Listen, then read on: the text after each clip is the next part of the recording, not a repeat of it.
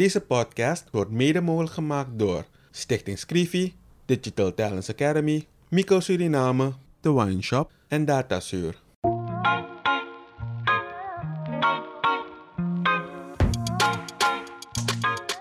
In een ontspannen sfeer praten journalist Kevin Hadley en challenger Vincent Kenswell met verschillende personen over de uitdagingen en de kansen van hun werkgebied. Samen proberen ze door oplossingsmodellen te bespreken positieve ontwikkelingen op gang te brengen.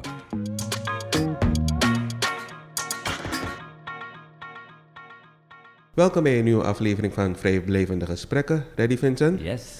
En vandaag weer een schrijver op bezoek. Niemand minder dan Bodil de la Parra, dochter van de bekende filmmaker Pim de la Parra. Elke Surinamer kent hem wel, want die heeft wel One People gezien. En als je geen One People hebt gezien, dan uh, weet ik het niet hoor. Want Dat het is zo'n belangrijke film voor Suriname, toch Vincent? Heel belangrijk. En uh, we beginnen meestal met de andere vraag, maar ik wil toch deze vraag, dit antwoord op deze vraag weten van Bodil. One People, heb je die film gezien en wat betekent die film voor je? Nou, uh, ik kan het natuurlijk niet um, objectief beoordelen, maar in feite best veel voor mij, omdat ik zelf in Suriname was als kind toen de opnames uh, waren, maar niet de hele tijd, want mijn moeder, Lies Oei, die produceerde de film ook mee. Dat was best wel nieuw, want dat was niet per se haar, haar vak of zo. En mijn beide ouders waren dus um, in Suriname, terwijl wij in Amsterdam woonden. Dus ik moest drie of vier maanden bij mijn oma in uh, Amsterdam-Osdorp blijven. Maar mijn oma die kon ons helemaal niet opvoeden. Die schreeuwde eigenlijk alleen maar tegen ons. En die was zo bang, want ik was elf, tien, elf jaar zo'n beetje. En ik was net zo'n beginnend uh, meisje. Ik, ik werd een ontluikende jonge vrouw. Dus mijn oma sloot ons eigenlijk een beetje op. En dan had ik s'avonds gymles. Uh, of ik zat op turnen. En dan mocht ik van haar de deur niet uit. Dus, dus, dus ik heb mijn ouders ontzettend gemist toen zij in Suriname waren voor de opnames. En ze haalden ons dan uh, in een herfstvakantie uh, naar Suriname. En dan heb ik gewoon scènes opgenomen zien worden. En ook echt hele bijzondere scènes. Uh, zal ik daar een voorbeeld van geven? Graag, Want dat is best dat, heel dat leuk. Vraag me. Ik kan me herinneren dat we waren in een bepaald huis en de scène werd opgenomen dat um, de, de, uh, met een advocaat ertussen of een bemiddelaar ertussen is er een gesprek tussen de twee vaders, de vader van Rubia en de vader van Roy. En dan, uh, dan moet de vader van Rubia, dat was een. De acteurs waren namelijk niet echt acteurs, behalve Borge Breveld, was echt een professionele acteur, is, is natuurlijk nog steeds. En uh, die Emanuel van Gonteren, dat was een die imposante man, vader, die had zoveel appearance. En die, uh, die zat in een koor, dat weet ik. Maar uh, de Hindoestaanse vader, de acteur, die, ja, die is gewoon van, ik weet niet precies, maar gewoon van de straat geplukt, zeg ik maar. Dus was, had geen ervaring. En hij sprak ook, uh, hij moest in het Nederlands praten en hij moest de zin zeggen, dan heeft hij haar behekst.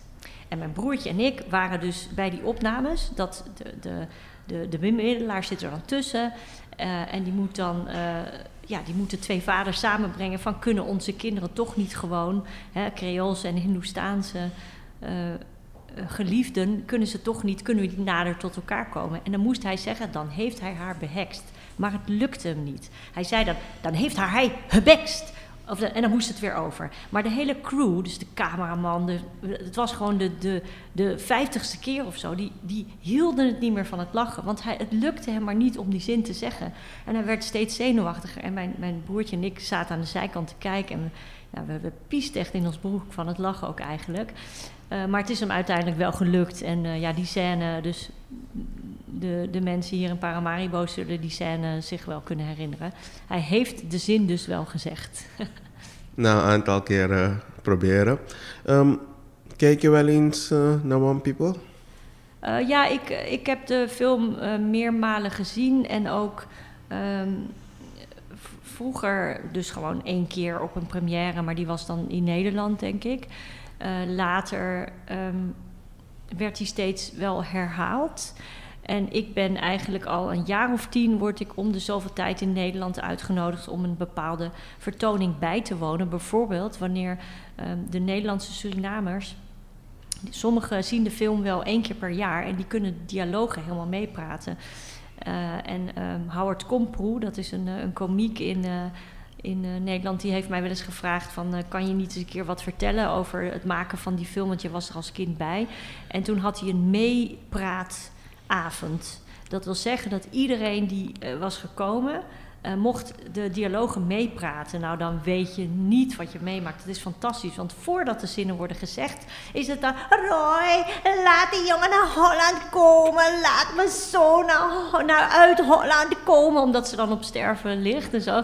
En dan, en dan hoor je dan die, die, dat hele publiek dat al zeggen en ook die, die, die zinnen van die vader en zo. En dan, nou, dat, dus bij dat soort uh, vertoningen ben ik er. Uh, wat heel bijzonder was, in 2019 had uh, mijn vader een hele groot retrospectief van al zijn werk in uh, het Filmmuseum in Amsterdam, AI. En dan was hij een week te gast en dat was heel bijzonder om daar ook bij de vertoning te zijn van One People. Omdat bijvoorbeeld vrienden van mij, Nederlandse vrienden die eigenlijk Suriname helemaal niet kennen, had ik ook gezegd: je moet naar die film komen kijken. En dan moet je mijn vader ook ontmoeten, omdat mijn vader hier in Suriname woont. Um, kennen best wel vrienden van mij hem niet, omdat hij ook niet zo heel vaak meer naar Nederland komt. Uh, en al die vrienden die vonden het echt een ontzettende mooie film. Want het is natuurlijk gebleken dat na zoveel jaar uh, dat er een soort uh, eeuwigheidswaarde in de film Ja. zit. Dat er een. Ja, dat er. Eigenlijk is het best wel soms triest om te merken dat je denkt. Het geldt eigenlijk nog steeds. Helaas. Ja, dus, dus, dus het is nog steeds zo dat een Creoolse en Hindoestaanse geliefden toch wel misschien moeite hebben om, om, om echt officieel samen te zijn. Hè? Dus het gebeurt natuurlijk wel, maar gewoon met trouwen of zo. Dat is zo, dat is zo ingewikkeld eigenlijk hier. En uh, ja, ik heb altijd een beetje een weemoedgevoel bij die film en die muziek. Uh, ik heb ook een gevoel van gemis altijd als ik die film zie. Omdat ik toen in die tijd die film werd gemaakt... mijn ouders ook moest missen. Terwijl ik dan elf was. En dan waren, ze, waren wij bij mijn oma.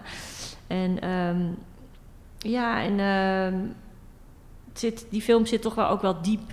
En het is ook zo dat, dat vergeten heel veel mensen... dat in die tijd, toen de film in Nederland uitkwam in 1976... is die gewoon geflopt. Want namelijk niemand kwam kijken mensen waren gewoon niet geïnteresseerd in film over uh, een Surinaamse film. Terwijl mijn vader wel met Wim Verstappen als duo heel veel, heel veel um, films heeft gemaakt die, ja, die, die heel, heel veel publiek trokken. Maar deze film dus niet. En dat was voor mijn vader extra pijnlijk. Hij is er ook een soort van aan failliet gegaan. Uh, het huwelijk met mijn moeder ging ook um, stuk. Uh, stuk. Niet dat dat per se alleen maar daarmee te maken, maar het is wel een, een, een gedeelte in het leven van mijn vader dat een soort teloorgang uh, in heeft gezet. En dat heeft best wel lang geduurd voordat hij weer op zijn benen is komen te staan. En ik was gewoon op een gegeven moment een puber. En dan, dan, dan, dan voel je dat best wel. Uh, en ik vond, het was best wel heel pijnlijk. En dat heb ik best wel heel bewust meegemaakt. Uh, daarom ben ik zo blij voor Pim dat, het, dat, iedereen hem, dat hij hier in Paramaribo rondloopt. Iedereen hem kent. Iedereen hem van One People kent. Het is een iconische film. Elk jaar, 25 november, ja. wordt One People afgedraaid. Ja, ja. Dus nou ja, goed. En uh, dat ik toevallig ook nog eens actrice ben geworden en ook nog een boek heb geschreven en ook soms over Surinaamse onderwerpen. Dat lijkt maar een beetje bijzaak, maar het is wel, het zegt wel iets over dat ik ben opgegroeid in Nederland, maar heb toch Suriname heel erg meegekregen. Dat zit toch ook heel erg in mijn wezen. Wezen. Mm -hmm. Laten we daarmee doorgaan. Dit is eigenlijk de eerste vraag die we stellen. Wie is Bodil? Ja, wie is Bodil? Nou ja, goed. Ik ben actrice, toneelschrijfster, en um, uh, nu heb ik ook een boek geschreven. Uh, ik ben al meer dan 30 jaar eigenlijk werkzaam in het vak. Ik ben opgeleid in uh, Nederland als actrice aan de theaterschool. maar als je zegt wie is Bodil, dat is een heel grote, veelomvattende vraag. Want dat, dat is veelomvattend. mens, Nederlands-Surinaams met Indonesisch en Chinees bloed, want mijn moeder is uh, Chinees-Indonesisch.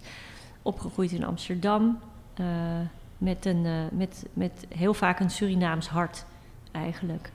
En ik probeer dat in mijn werk ook soms naar voren te laten komen, want ik maak echt heel deel uit van het theaterlandschap in Nederland. En dat ik dan soms de onderwerpen kan brengen die te maken hebben met ja, dat, dat ik Surinaams ben voor de helft en Chinees, Indonesisch, dat soort onderwerpen raak ik wel aan in mijn werk. Dus als ik zelf voorstellingen maak of schrijf, dan, uh, dan probeer ik wel dat door te laten schemeren. En zeker in deze tijd is dat ook in Nederland eigenlijk weer heel hot geworden. Terwijl ik daar eigenlijk al best wel lang geleden mee ben begonnen. Omdat ik uh, eigenlijk als schrijver ben gedebuteerd met de voorstelling Orsjade over zee. Die inderdaad door Sasha Dees ooit hier naar uh, Suriname is, is gehaald. Paramaribo is gehaald. Die, die zag de voorstelling, die zei: Ik kan wel regelen dat je misschien een uitnodiging krijgt om deze voorstelling in Suriname te komen spelen. En toen schrok ik me wel kapot, want uh, dat vond ik heel eng. En die voorstelling ging eigenlijk ook over mijn Surinaamse familie. En in 1996 ben ik toen al samen met Carolina Mout, waarmee ik het had uh, gemaakt, heb ik die voorstelling al in Italia ge gespeeld, zeven keer. Dat was heel bijzonder. Wat vind je van die ontwikkeling dat je begon met uh, die stukken en toen was het nog niet echt hot. En nu is het wel een belangrijke ontwikkeling dat zulke stukken er een vraag is naar zulke stukken. Dat Ja. men graag zulke stukken wil zien. Die, die stukken die gaan over de andere groepen van de samenleving. Niet Ja. alleen bij wijze van Nou, een spreken beetje, wit. oorsprong, Ja. een beetje oorsprongstukken. Want Nederland is heel erg bezig om eh, een beetje af te rekenen met het kolonialisme. Dat wil zeggen dat ze daar eigenlijk, eh, ze, ze voelen zich denk ik vo- voortdurend schuldig. Dus ook in de theaterwereld is het zo dat de makers die iets te vertellen hebben over eh, ja, ehm, Waar ze vandaan komen. achtergrond, slavernijverleden. Ook eh, heel veel mensen, dus een hele grote Indische gemeenschap.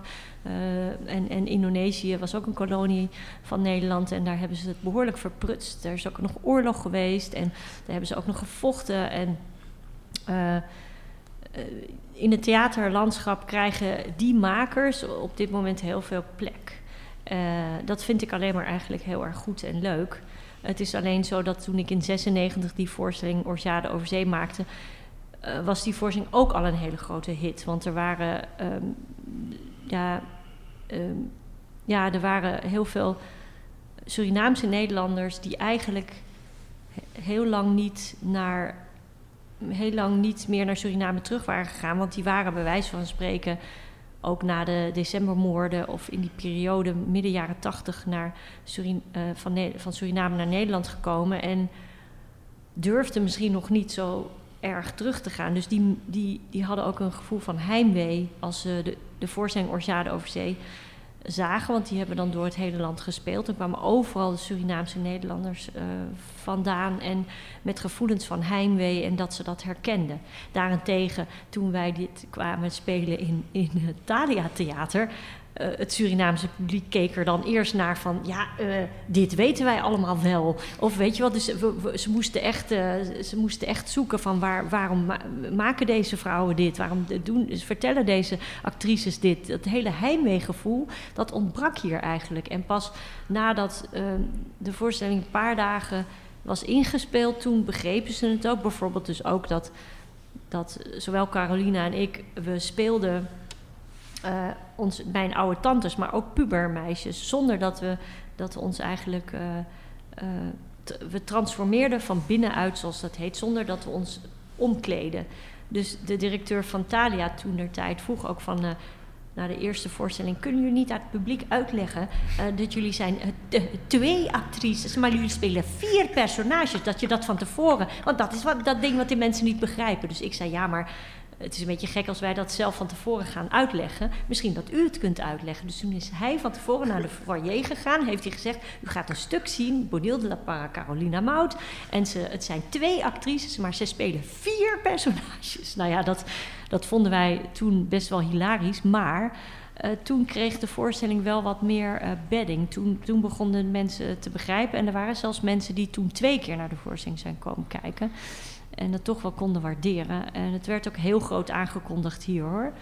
Ehm, het was een hele bijzondere tijd. En het meest bijzondere was wel dat ik mijn tante Gus en tante Pop als personages heb opgevoerd. En eh, vlak daarvoor was tante Pop overleden, maar tante Gus heeft de voorstelling nog wel gezien.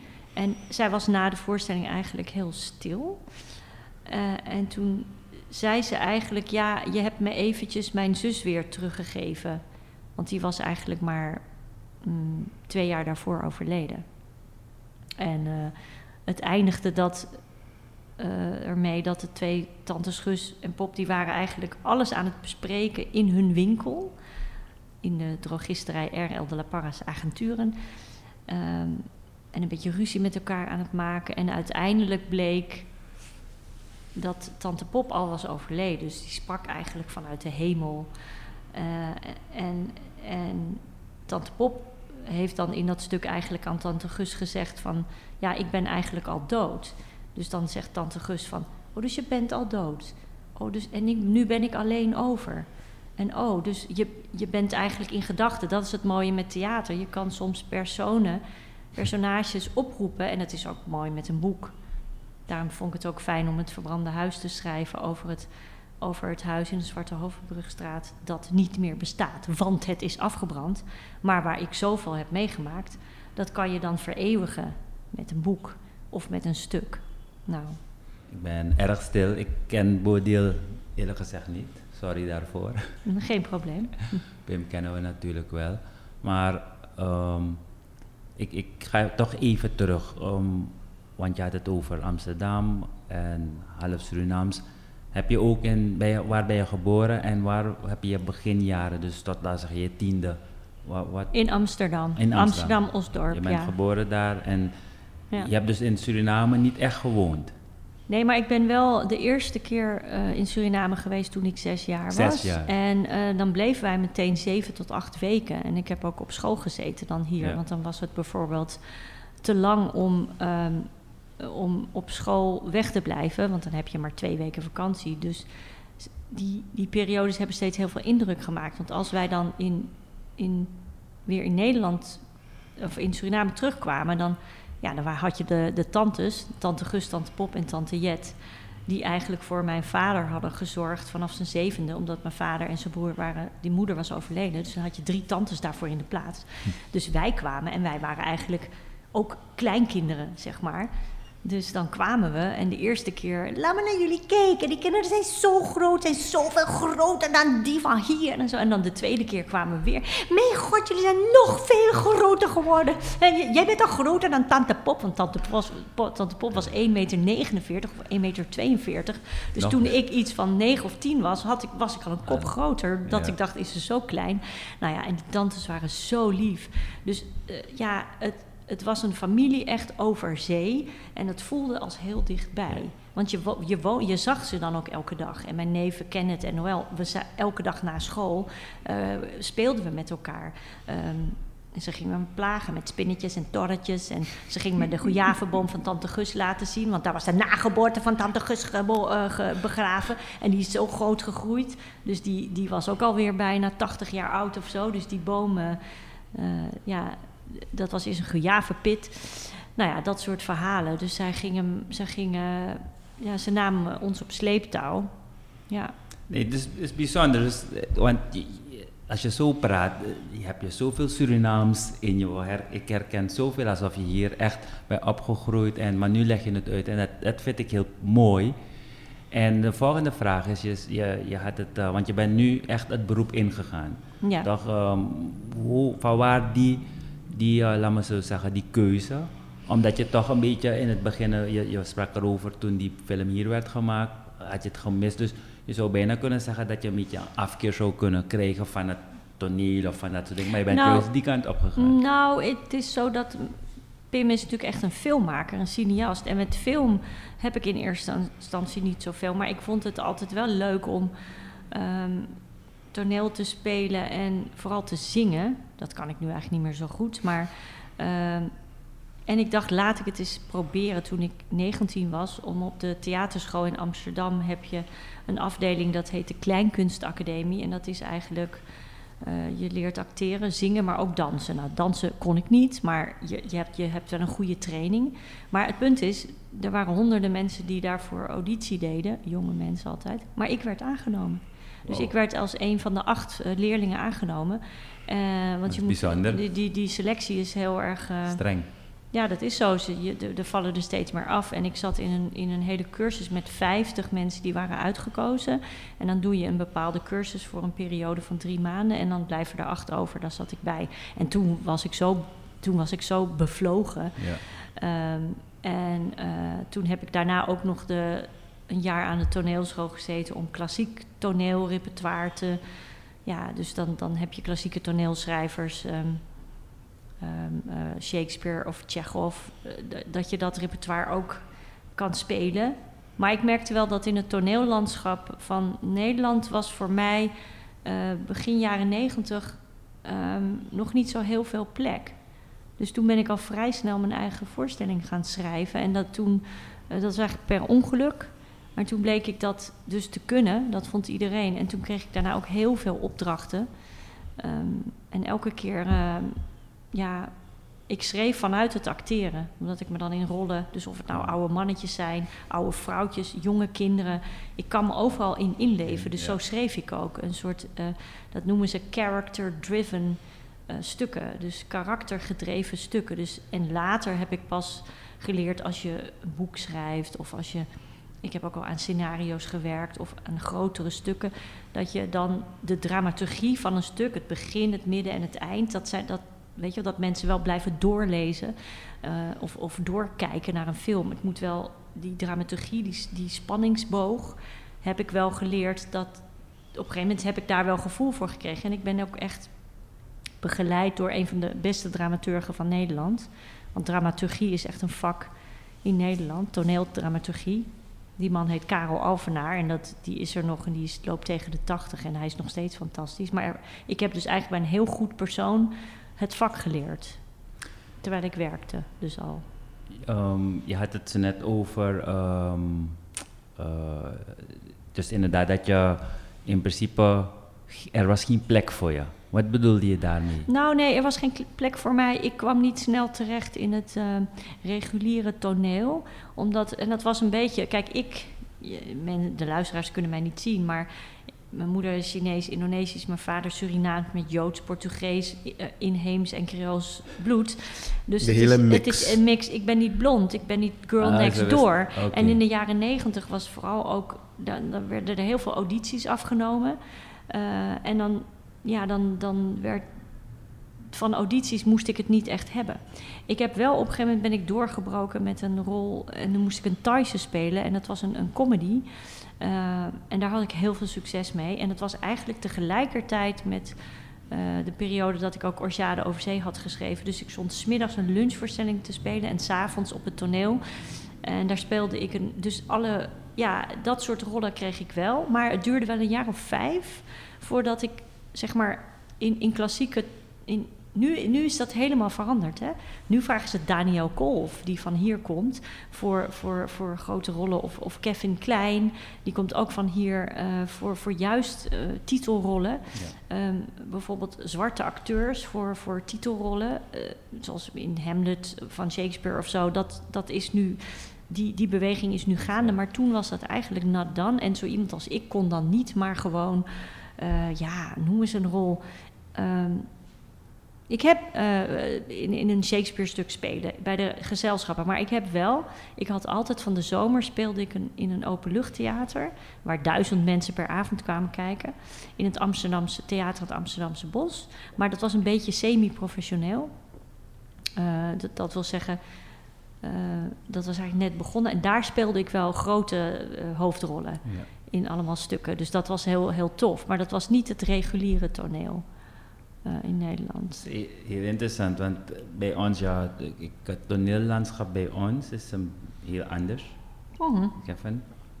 Ja, het is niet zo groot. Ehm, we hebben het ook al eerder over gehad dat we hebben meer volkstheater. Ja, wat, wat ik trouwens fantastisch vind. Dat Ja. is, als je dat ziet, is dat gewoon geweldig. Ja. Ehm, je hebt ook wel stukken van eh Onstage. Dat is de school Ja. die Helen Kamperveen is gestart, waar. Daniel en waar, waar ehm, Kevin vandaan komen. Ja. Ehm, nu wordt het door twee anderen beheerd. ja, Joelle en Rodney. Rod- Rodney, ja. Precies. Ja.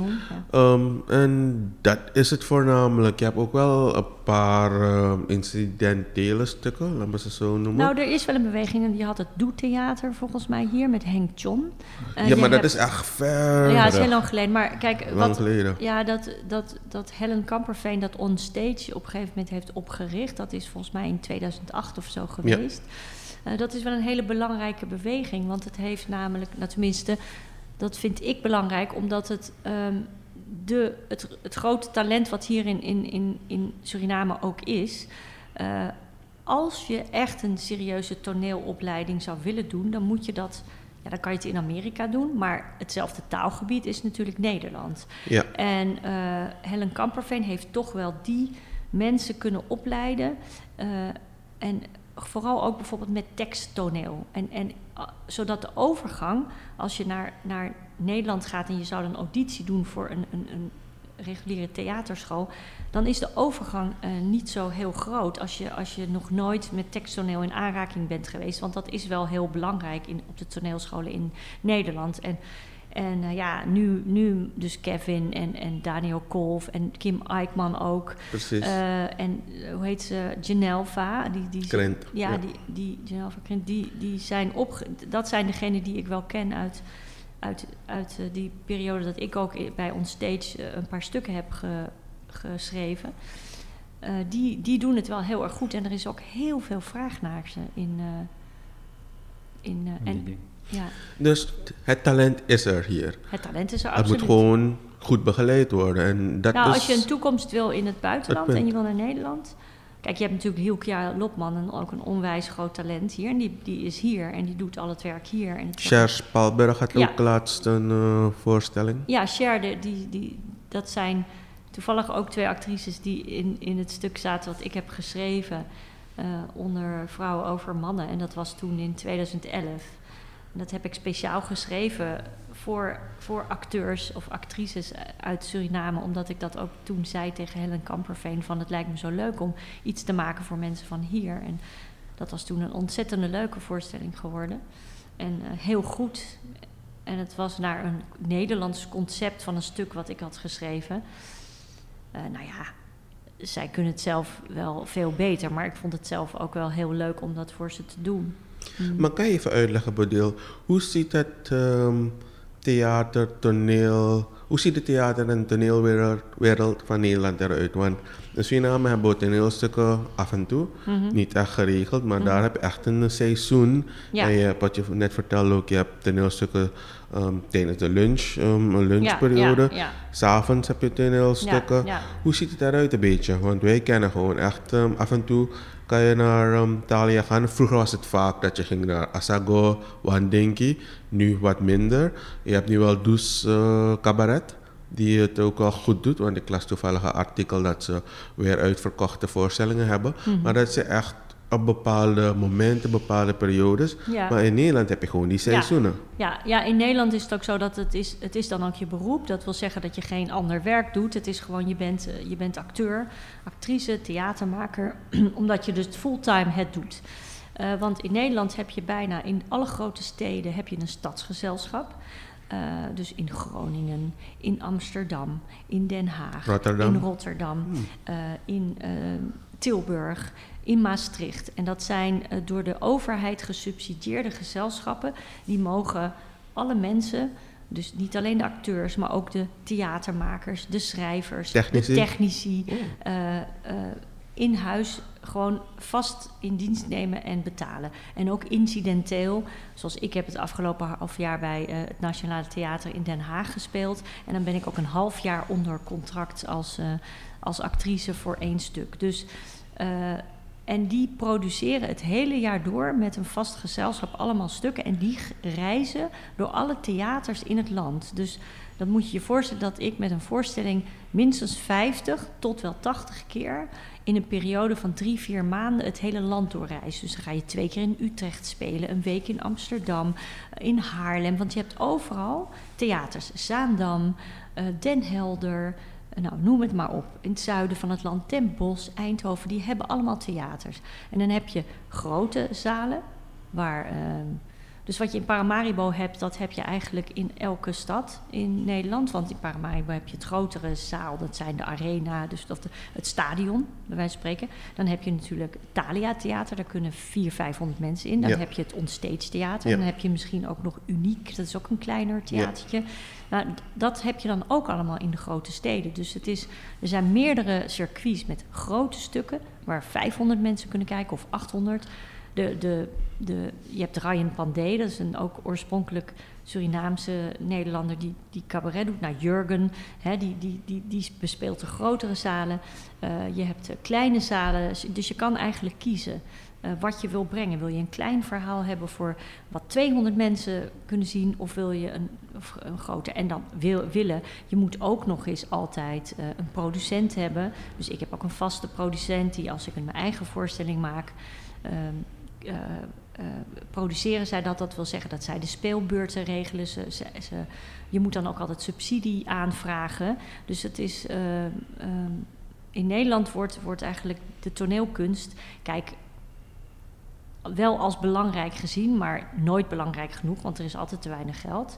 Maar dat is hetzelfde als met film en zo. De, weet je, dus die industrie is veel, veel groter. Dus je kan, en, en dan heb je ook nog dat als je freelance acteur bent, dat je dan ook kan filmen, series kan doen en op het toneel kan staan. Ik, dus ik ben benieuwd als, je, als het zo verteld wordt. Het is dus niet toneel en, en deze kunst of deze sector is niet alleen voor entertainment. Het, het moet de society ook shapen, ja. creëren, maken. Helemaal. Weet je, dus ja.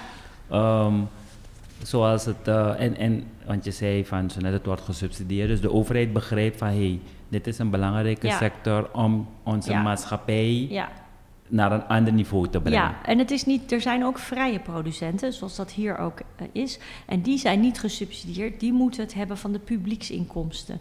En, en met name die eh, vrije producenten. Hè, dus als je een succesvol cabaretier hebt of, een, of een, een voorstelling met grote namen, dan komt er veel publiek op af. En die hebben in de coronatijd heel zwaar geleden. Want die moesten het dus hebben van die inkomsten. En dat publiek was er ineens niet meer, dus er was niks meer. En dan is het best ook vaak een best wel groot bedrijf. Dus die musicalbedrijven, er wordt ook musical gemaakt.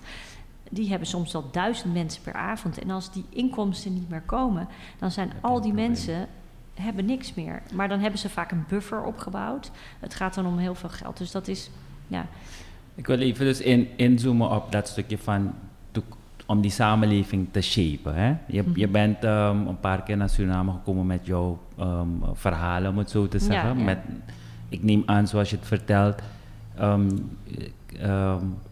kijk je ook daarnaar om een verhaal, om iets over te brengen. Het is niet alleen entertainment. Wat is jouw kern? En dan specifiek naar Suriname toe. Wat wil je dat wij eruit halen? Of wat wil je, hoe je dat wij gaan gebruiken of gaan groeien? Nou, in, die, eh, in, in eerste instantie heb ik altijd gewoon de behoefte om een verhaal te vertellen. Met het verbrande huis was het heel duidelijk. Ik kreeg een berichtje, ik gaf een workshop in Istanbul nota bene, een schrijfworkshop. Ik kreeg allemaal berichten midden in de nacht. Eh, Zwarte Hovenbrugstraat 140 afgebrand. En in eerste instantie, omdat ik altijd naar, de, naar de, het huis en de winkel ging, het, wist ik niet eens dat het nummer 140 was. Dus ik dacht, waarom krijg ik dat allemaal? En op een gegeven moment realiseerde ik me dat de drogisterij, apotheek en woonhuis, dat het de, dat was. Dus ik, ik had het gewoon niet meer.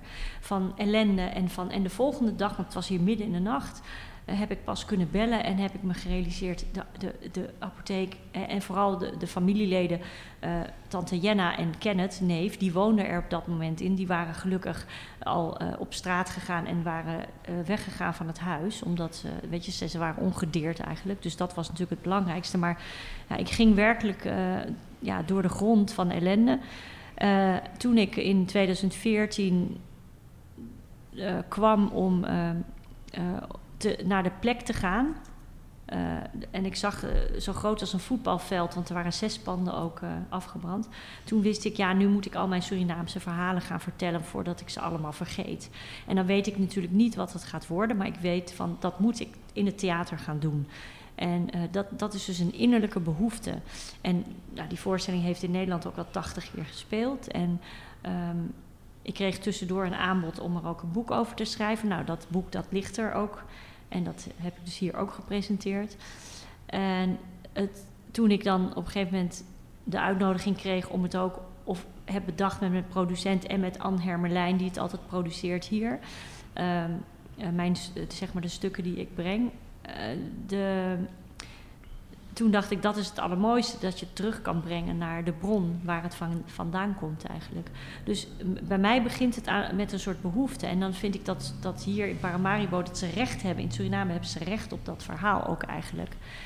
Uh, en in Nederland werkte de, werkte de voorstelling ook wel als een soort eye-opener. Want ik heb er ook een diepere laag in aangebracht. Want ik ben me ook gaan afvragen, ergens in mijn leven hoor waar komt de naam de La Parra nou vandaan? Dat zijn uh, Joods-Portugezen die uh, gevlucht zijn vanwege de inquisitie. Ze zijn hier op Jodensavanne terechtgekomen. Ze hebben, het waren planters, ze hebben plantages gehad, dus ook tot slaafgemaakte.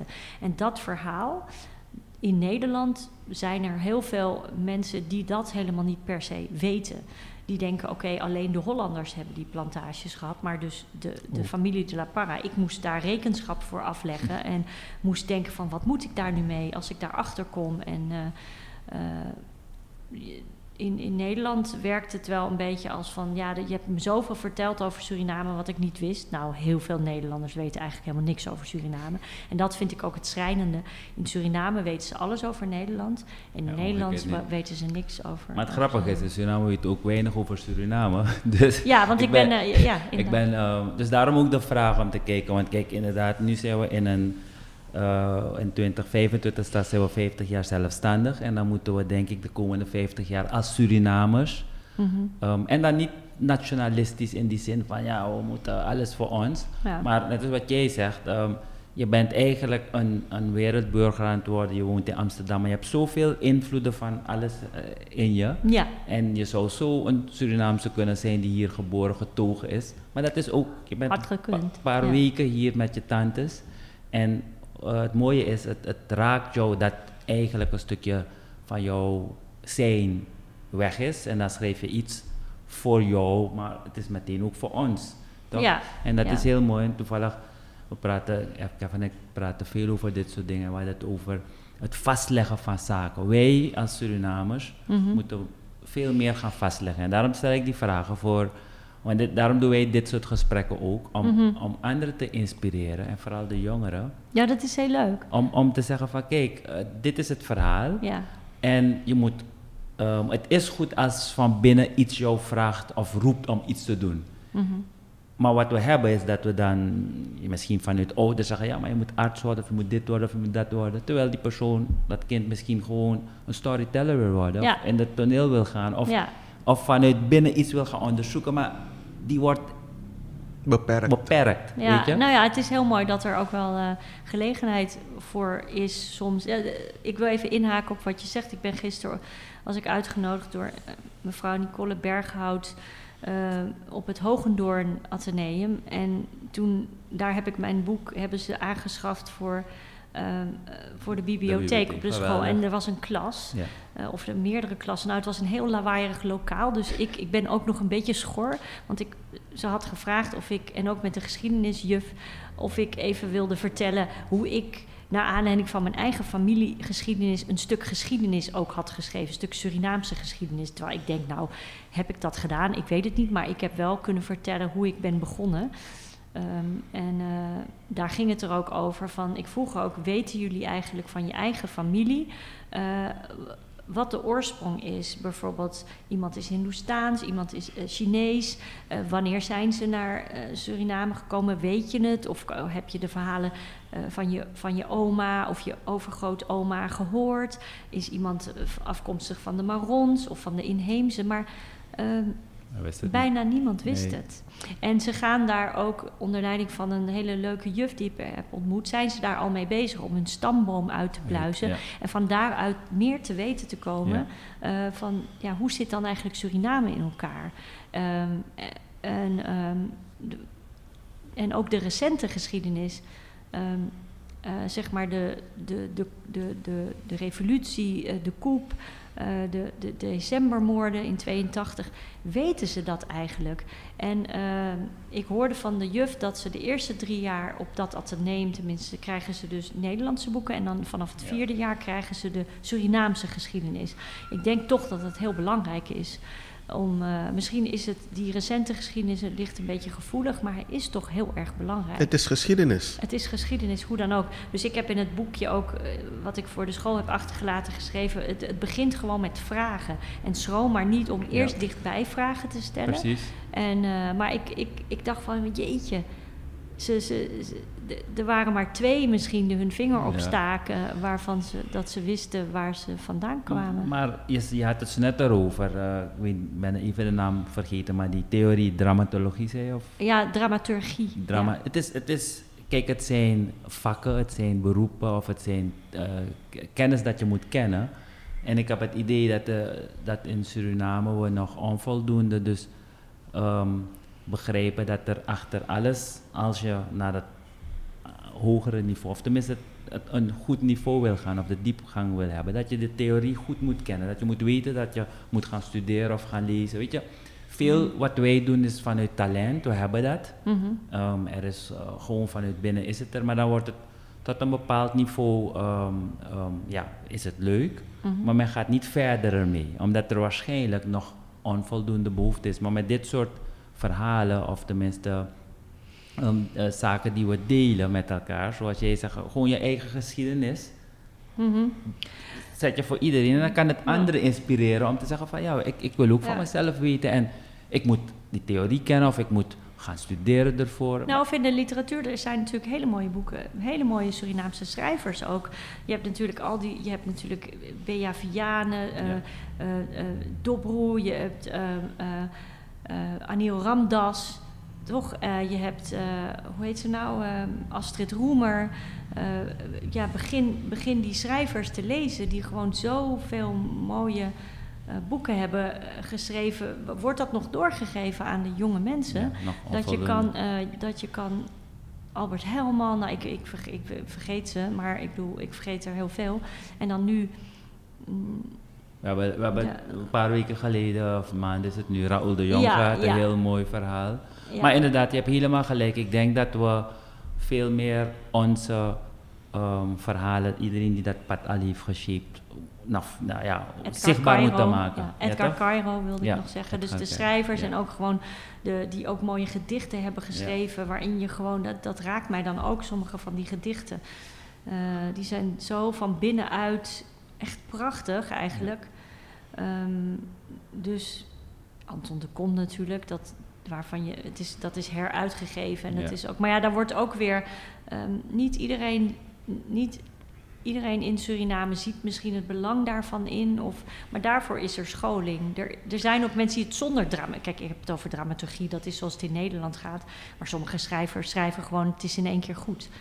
Dan, ja, ja. snap je, dus ja, die hebben het gewoon. Maar dat zijn de toppers inderdaad. Maar je hebt soms de, de, de middelmoot die toch iets meer nodig heeft. En dan als je nou, dat je kan gaat, groeien. Ja, precies juist. Dus je dat, kan door feedback ja. kan je ook groeien. groeien. Iemand zegt je, nou, als je het zo doet, kan het beter. Uh, en dat is wat je, wat je, weet je, dat je, iedereen, als je begint met iets, kan altijd iemand anders er iets over zeggen, uh, zonder dat het kritisch is. Want kritiek is soms heel erg goed om weer door te groeien en beter te worden in je vak of in hoe je iets kan vertellen. Als je, ja. Nu heeft uh, we begonnen te zeggen dat One People is uh, een, ja, een, een, een, verhaal voor Suriname dat ja, we leren er nog steeds uit. Mm -hmm. En het is natuurlijk heel ja, volgens mij in 76 uitgebracht. Ja, het is ook heel goed geschreven door ook de scenario-schrijver ja. Rudy Cross heeft dat samen met mijn vader gedaan. En dat is, het zit toch echt wel heel goed in elkaar. Maar ik denk dat we voor de komende 50 jaar uh, wat nieuw materiaal moeten hebben. Je hebt al een heleboel genoemd. En ik denk dat uh, we willen hier gaan stimuleren, inspireren jongeren die luisteren als ze nou echt uh, nog in de tienerjaren zijn. Um, wat voor advies kan je hun geven? Je hebt al een paar dingen genoemd hoor, maar um, stel het zit nog ergens en ze, kunnen het nog niet vinden. Welk pad zouden ze moeten bewandelen, behalve dan al die boeken te lezen? Um, nou, dat is, het, het, klinkt als een hele grote opdracht dan natuurlijk, maar ik denk altijd, ehm, als je iets voelt dat je iets te vertellen hebt, of je wil je op een creatieve manier uiten, of eh, je wil, je hebt, eh, begin met vragen Vragen. of dingen mogelijk zijn. Laat je niet ontmoedigen. Als je iets voelt, begin met vragen van ik zie dit en dit voor me. Eh, hoe zou ik daar kunnen komen? Ehm, ben je geïnteresseerd in je achtergrondgeschiedenis? Ja, begin eerst maar gewoon met vragen. Ehm, ja, dat is denk ik een goede. En als het goed is, moet er altijd een bibliotheek zijn waar je dingen kan Ja. lenen, ehm, lezen. Ja, tot mijn grote verdriet eh, is de, de boekzaak Vaco op dit moment niet, eh, er niet in de Domineestraat. Ik heb begrepen dat er iets mee gaat gebeuren, dat hij ergens anders opent, maar dat weet ik niet. Mm, vragen stellen is altijd een beetje de weg en wees nieuwsgierig. Ehm, en wees niet bang. Ja, en misschien aan de ouders ehm, laten de kinderen inderdaad eh, de vragen stellen en, en, en antwoord ook. Weet je, als je iets niet kent. Want hier is het vaak van laat dat of men wil Ja. een familiegeschiedenis liever niet meer. Weet je? Ja, Dus wat je zegt is inderdaad goed als het een jong persoon is die van binnen iets wil weten. Ja, en als je merkt dat je het niet bij je ouders terecht kan, omdat ze misschien ja, hard moeten werken en denken: wat vermoei me niet Ja. of zo. Hè, van, stel niet die vragen. Dan is er altijd misschien wel iemand anders die je vragen wel kan Tante Gus beantwoorden. en Tante Pop. Tante Gus en Tante Pop. Nou, Tante Gus, het was sowieso die, die, die gaf altijd eh, de grootste adviezen.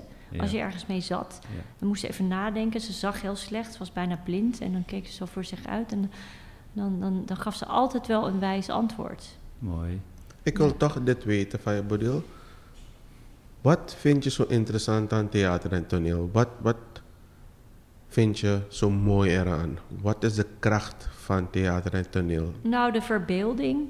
ehm, dat je dingen kan oproepen die er bijvoorbeeld niet meer zijn. Dat je je fantasie kan laten spreken. eh, dat dingen die, vooral op het toneel ook. ehm, kijk, als je een film hebt, dan is het voor mij heel moeilijk om een, eh, een hele oude vrouw te spelen. Van, van 85 of zo. En zeker toen ik eh, ergens in de 20 was. Maar het leuke was, ik heb al een keertje op de toneelschool heb ik een voedster gespeeld. eh, en dan beelde ik me helemaal in dat ik mijn oude tante was. En dat was dan eigenlijk de Surinaamse voedster in een klassiek stuk. Van, eh, eh, dat was Antigone, van zo'n Griek. Van, nou ja, van, van een, bewerkt door, een Franse schrijver of zo. Dus je kan eigenlijk in je verbeelding kan je alles zijn. En ehm, ja, theater kan zo'n, dat is ook een live gebeurtenis. Dus het kan zoveel ontroering oproepen en zoveel eh, weerstand oproepen. En het, weet je, het kan heel, hele grote emoties. eh, en dat zie je ook bijvoorbeeld, stel dat je het, het, het volkstheater hier hebt, dat dat Asago of zo. Dan, dan zie je ook wat er met het publiek gebeurt. Ze, ze gaan heel direct reageren. Ze worden helemaal gek. Ze, lachen zich in kriek. Ik heb wel eens meegemaakt, ik heb zo'n voorstelling een keer bijgewoond van. Hij is helaas overleden, hij heet Wesje. En dat heb ik ergens eh, toen tien jaar geleden gezien. Heb ik hem gezien, dus voordat hij was overleden. En ik zag gewoon eh, publiek dat nooit iets van theater zag. Het was ergens in een open lucht of zo. Er was een man die stond van zijn stoel op van plezier. En die ging toen een rondje rennen in de zaal. Van plezier. Nou, dat vind ik zo fantastisch. Gewoon door, door, ja, door. Ja, Bezig, dus ja. ja, ja dus, dus eh, dat vind ik het mooie van theater. eh, dat je, en, en ja, ik ben ook wel iemand die erin thuis hoort. Dus ik, ja, dan, ik wil dan soms verhalen vertellen. Of ook, ik heb ook eh, afgelopen seizoen gewoon een rol gespeeld hoor. In een stuk wat niet van mij was, maar gewoon een mooie rol. Dat vind ik ook heel fijn. Nou, we kunnen nog een tijdje doorgaan. Ik denk maar, het, ja. In ieder geval, eh, het was een heel aangenaam kennismaking voor mij, maar ook een mooi gesprek. Bedankt in elk geval voor alles wat je doet. Jij bent uh, Bodil de La Parra, je hebt je eigen, laat me zo zeggen, je eigen carrière. En, het- en zoals je het uitlegt, heel succesvol. En ik vind het mooi dat er zo'n een, een, een verbindenis is met Suriname. Mhm. Ehm, dus daarvoor ook dank. En we zullen, je- ik, ik zal je zeker blijven volgen. Leuk. In elk geval bedankt voor, ehm, ja, En het, en, het, ja, en het boek Het Verbrande Huis is gewoon altijd nog te krijgen. Ja. Ik ga proberen om het op plekken te krijgen in, in Paramaribo. En het, maar het is altijd ook wel te bestellen. Maar ja, Ja. bol.com, ja, hm, als je het echt wil lezen, dan, dan zou je eraan moeten kunnen ko- komen. Ja, ik denk het. Ik denk dat zoals het Veel- nieuws vertelt, zal, eh, wat het ook is, de moeite moet gedaan worden dat we het eh, gaan lezen. Dus Mhm. ehm, we zullen het zeker eh, eh, stimuleren. In ja, ieder geval heel hartelijk bedankt en eh, Graag gedaan. we spreken ja, hopelijk heel gauw weer. Ja. heel graag.